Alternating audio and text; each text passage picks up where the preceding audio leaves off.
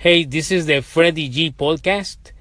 In this episode, I'm going to talk about players and leaders and their grades. Have you ever heard about managers complaining about their team members?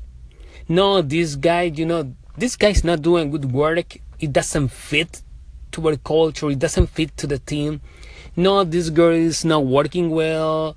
Uh, she lacks some experience. Uh, she lacks initiative. We're always dreaming of having an ideal team.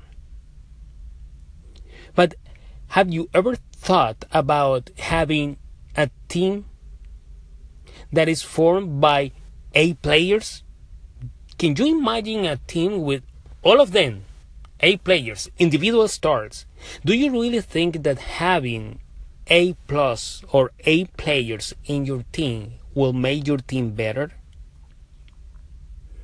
I have read different articles and researches. It's not about, you know, using research as a backup my information, but for my own experience.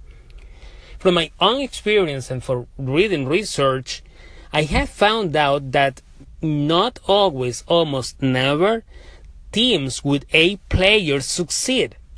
Do you know why? Because A players look for their own benefit. They are all stars. So one star want to shoot at the another star. So that's very important for leaders.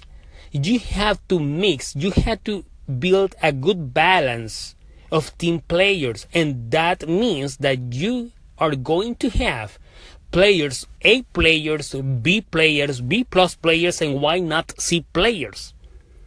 Because maybe the C player is going to cover a lack on your team that maybe the A player doesn't have. The point in leadership and management is that you're going to build a team that is complementary to each other. Meaning, I have an A player that is very good and excel at technology.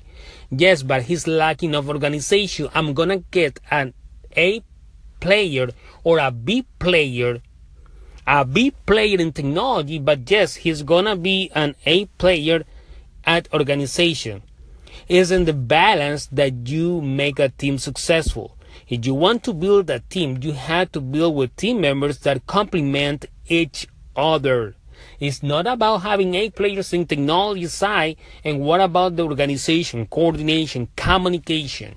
What about innovation? What about uh, management? What about execution? You need to have and to build the right balance of team players.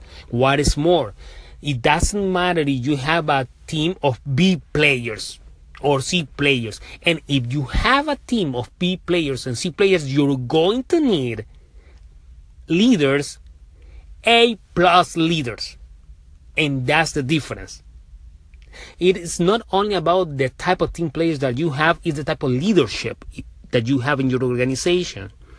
So if you have a team of B players, you are going to need, you will need A plus leaders. Because if you have A plus leader, it doesn't matter if you have B players and C players, they're gonna be successful because you have an A plus leadership class. Remember, great leaders build and can make any team successful. Yes, of course, you can fire and you can hire, you can replace. You can do whatever you have to do to make a team better and to make your organization better. But remember, it's not only about team members, it's about leadership. And if you have a A team players, B, C team players, you're gonna need A plus leaders. What type of team members do you have? And do you have a A plus leadership class? Let me know build, and battle. Until the next time.